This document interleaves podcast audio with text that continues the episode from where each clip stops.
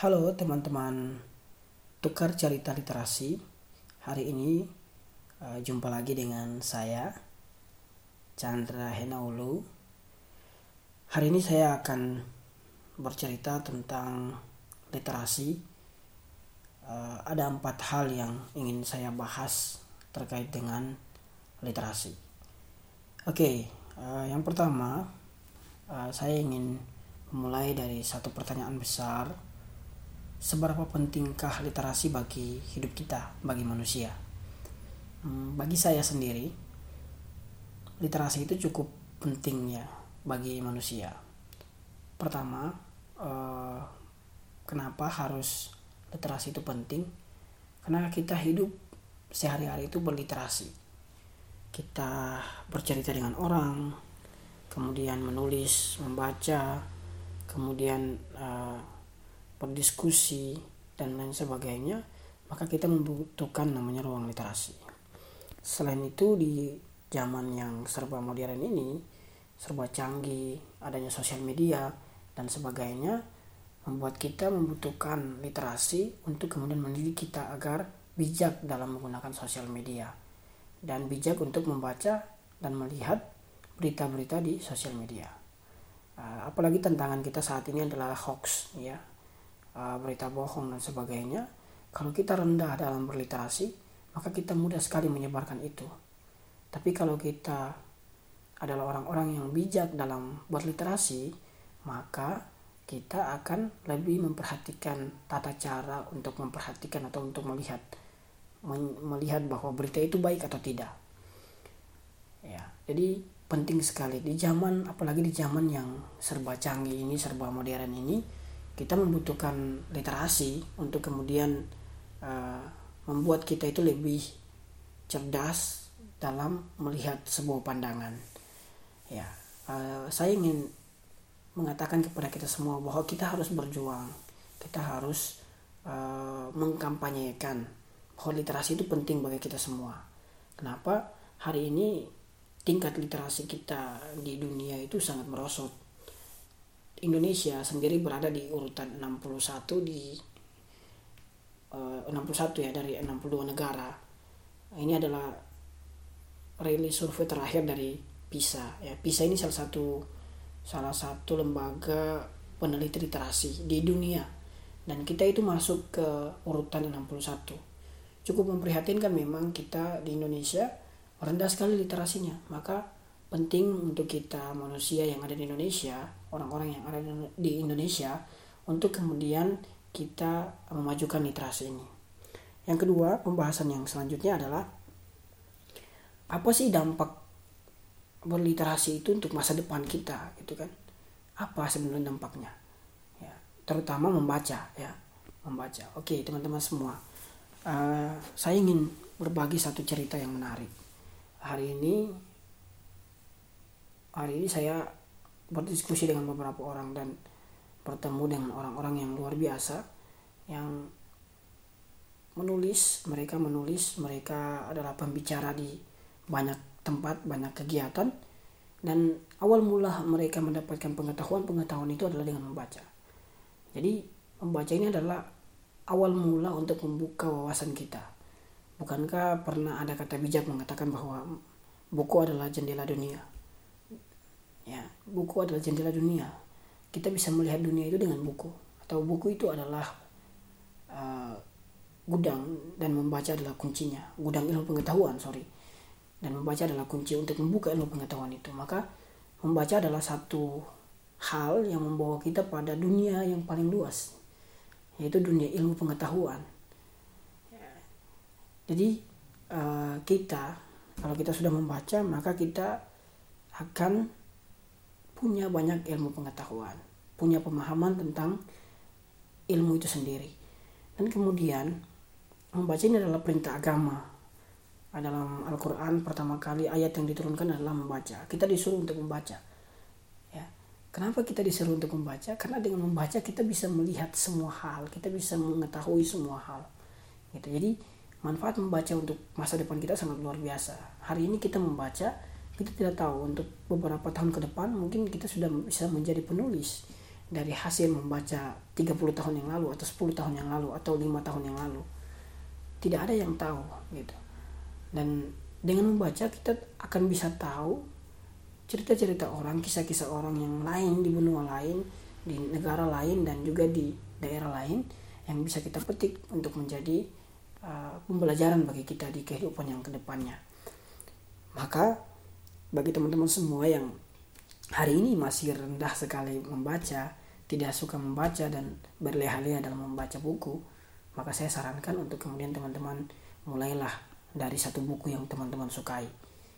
Mulailah dari buku apa pun, dari bungkus makanan, bungkus rokok, bungkus apa pun yang teman-teman dapatkan di jalan, membacalah. Dan membaca ini bukan hanya soal bagaimana teman-teman menghabiskan buku, tapi bagaimana teman-teman bisa membaca dengan semua panca indera yang teman-teman punya. Jadi membaca itu enjoy aja, bukan hanya pakai mata dan dimasukkan ke kepala tapi ada indera peraba kita yang merasakan uh, suasana di sekitar kita. Kemudian ada indera pendengaran kita yang mendengarkan cerita-cerita dari orang lain mendengarkan topik-topik diskusi yang menarik dari orang lain. Kemudian ada juga lidah perasa kita indera perasa kita yang bisa merasakan kemudian ada telinga kita ada mata kita ada mulut kita ya. Membaca itu bukan cuma hanya soal soal mata dan mulut tapi ini soal bagaimana kita menggunakan perasaan kita untuk merasakan sekitar kita. Itu juga membaca sebenarnya. Ruang-ruang diskusi yang kita isi ya, kita ada di sana adalah kita membaca. Kita sedang membaca. Mendengarkan cerita-cerita orang itu juga kita sedang membaca. Melakukan perjalanan dan kemudian menemukan hikmah di balik perjalanan itu adalah cara kita membaca maka membaca itu adalah bukan hanya soal bagaimana interaksi Anda dengan buku tapi bagaimana Anda juga bisa menyerap bacaan-bacaan yang lain lewat pengalaman-pengalaman Anda, lewat perjalanan-perjalanan Anda. Ya, jadi itu dia manfaat membaca untuk masa depan. Lalu selanjutnya eh, bagaimana membaca juga berdampak kepada kepenulisan, menulis. Jika Anda ingin menjadi seorang penulis, maka Anda harus membaca. Tidak akan mungkin seorang penulis itu dia akan jadi penulis tanpa membaca. Tidak akan mungkin ya. Maka untuk menjadi penulis kita harus membaca. Maka membacalah sebanyak-banyak mungkin. Secara otomatis ketika teman-teman punya banyak bacaan maka teman-teman pasti akan menulis. Pasti. Teman-teman membaca sebenarnya membaca itu sudah menuliskan sesuatu di kepala kita membaca itu sebenarnya kita telah menulis sesuatu di kepala kita. Namun tulisan-tulisan itu akan bisa menjadi tulisan ketika menjadi karya sorry menjadi karya ketika kita menulisnya dengan bentuk tulisan narasi baik itu lewat media kertas media uh, sosial atau media yang lainnya seperti laptop uh, komputer dan pada akhirnya bisa diterbitkan menjadi buku dari dunia membaca ke menulis itu tidak akan lepas ya tidak akan lepas dunia membaca tidak akan lepas daripada dunia menulis dunia menulis pun tidak akan lepas dari dunia membaca.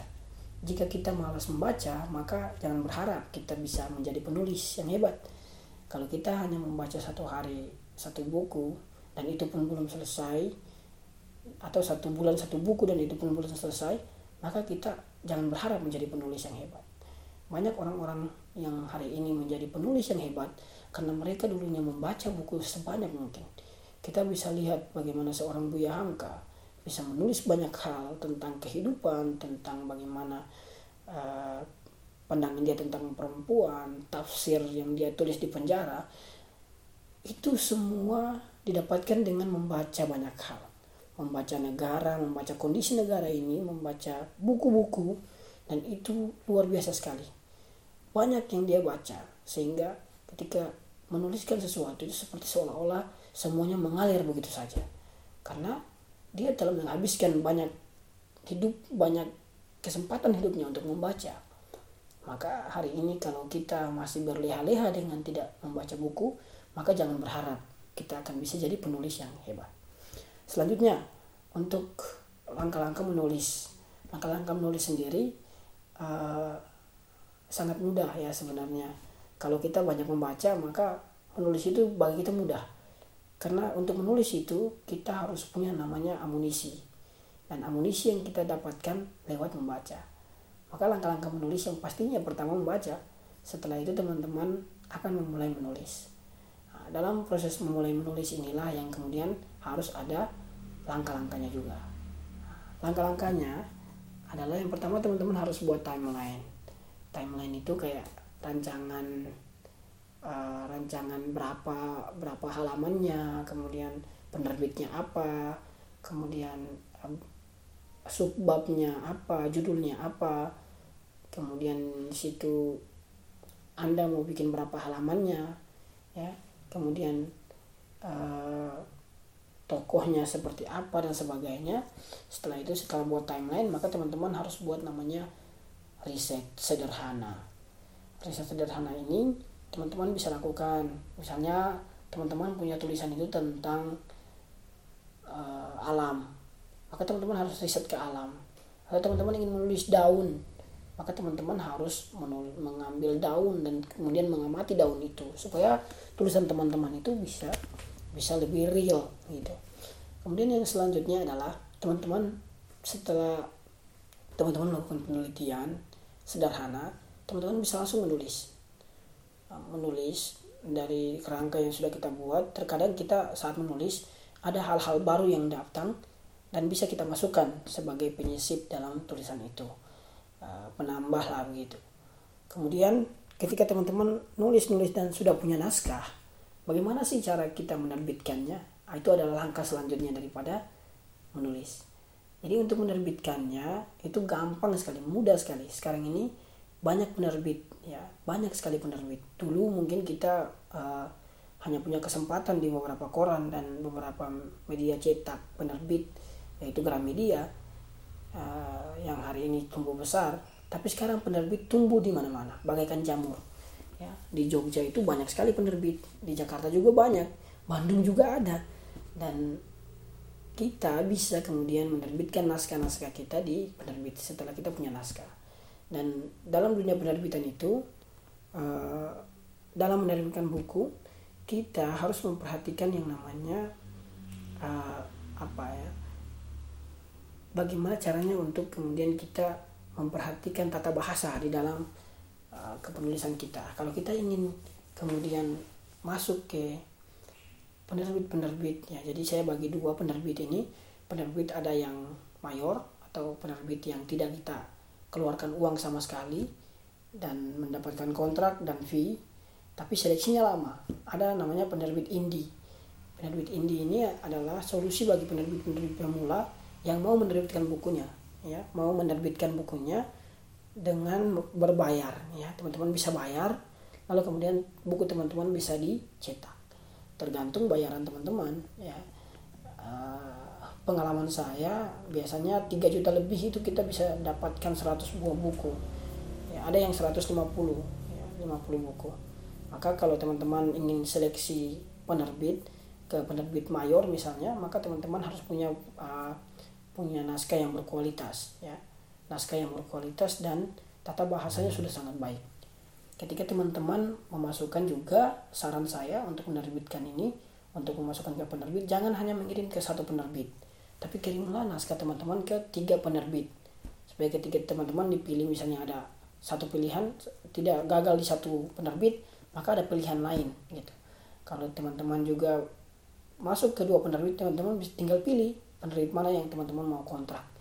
Nah, kalau untuk indie teman-teman bisa berbayar dan untuk menerbitkan itu menerbitkan buku. Dan mudah sekali menerbitkan buku tapi kemudian hal yang paling penting adalah kita harus menciptakan pembaca kita ya pembaca kita. Hari ini jika kita punya buku tapi kemudian tidak ada pembacanya untuk apa kita menerbitkan buku ya? Tapi kalau misalnya kita menerbitkan buku dan juga kita meningkatkan literasi untuk literasi di masyarakat untuk kemudian uh, kembali lagi kepada orang-orang kembali kembali lagi orang-orang itu membaca buku maka kita sudah termasuk dalam orang yang kemudian memperjuangkan literasi. Nah, itulah beberapa pembahasan ya yang mungkin bisa saya bagi kepada teman-teman terkait dengan uh, literasi. Dan sampai jumpa lagi di tukar cerita literasi selanjutnya. Kalau ada kesempatan bisa berjumpa lagi dengan saya untuk kita bicarakan tentang tukar cerita literasi. Oke, mungkin itu saja. Terima kasih atas perhatiannya. Assalamualaikum warahmatullahi wabarakatuh.